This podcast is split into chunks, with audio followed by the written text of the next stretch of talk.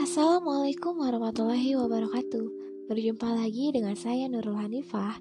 Di kesempatan podcast kali ini kita akan membahas hukum Islam Yaitu mengenai sumber-sumber hukum Islam. Sumber hukum Islam merupakan sesuatu yang dapat menunjuk dan mengatur bagaimana melaksanakan sesuatu amalan yang syar'i dengan cara yang tepat dan benar Sumber hukum Islam ini terdapat dua macam, yaitu yang disepakati oleh para jumhur ulama dan ada yang masih diperselisihkan. Adapun sumber hukum yang telah disepakati oleh para ulama itu di antaranya yaitu Al-Quran, As-Sunnah, Al-Ijma, dan Al-Qiyas.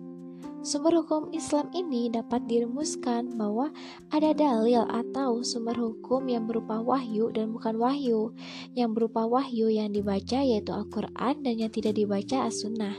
Yang bukan wahyu merupakan pendapat para mujtahidin yang dinamakan Al-Ijma dan apabila berupa kesesuaian sesuatu dengan sesuatu yang lain itu dinamakan kias. Al-Quran ini merupakan sumber hukum pertama dan utama. Perintah taat kepada Rasul menunjukkan adanya perintah untuk menjadikan sunnah sebagai sumber hukum kedua. Adapun perintah taat kepada ulil amri ini menunjukkan adanya perintah untuk menjadikan kesepakatan ulama atau ijma sebagai sumber hukum ketiga dan sumber hukum yang keempat adalah kias yang ditunjukkan oleh e, perintah kembali kepada Allah dan Rasul jika ada perselisihan pendapat dengan cara analogi. Adapun sumber-sumber hukum Islam yang diperselisihkan para jumhur ulama di antaranya yaitu yang pertama istisan berpaling dari kias kafi atau dari hukum kuli umum menuju yang dikecualikan karena ada dalil yang lebih kuat. Yang kedua itu ada istishab.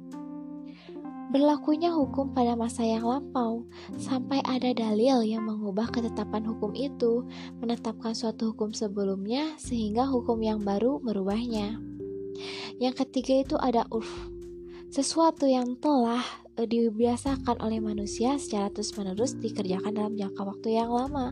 Yang keempat ada masalah mursalah, yaitu hujah syariah yang dapat dijadikan sebagai dasar pembentukan hukum dan bahwasanya kejadian yang tidak ada hukum dalam nas atau ijma atau kias ataupun istisan disyariatkan kepada hukum yang dikendaki oleh kemaslahatan umum.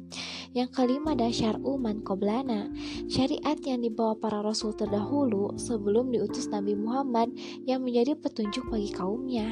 Yang keenam yaitu ada Sad al-Jariyah yaitu menghambat atau menghalangi atau menyumbat semua jalan yang menuju kepada kerusakan atau maksiat.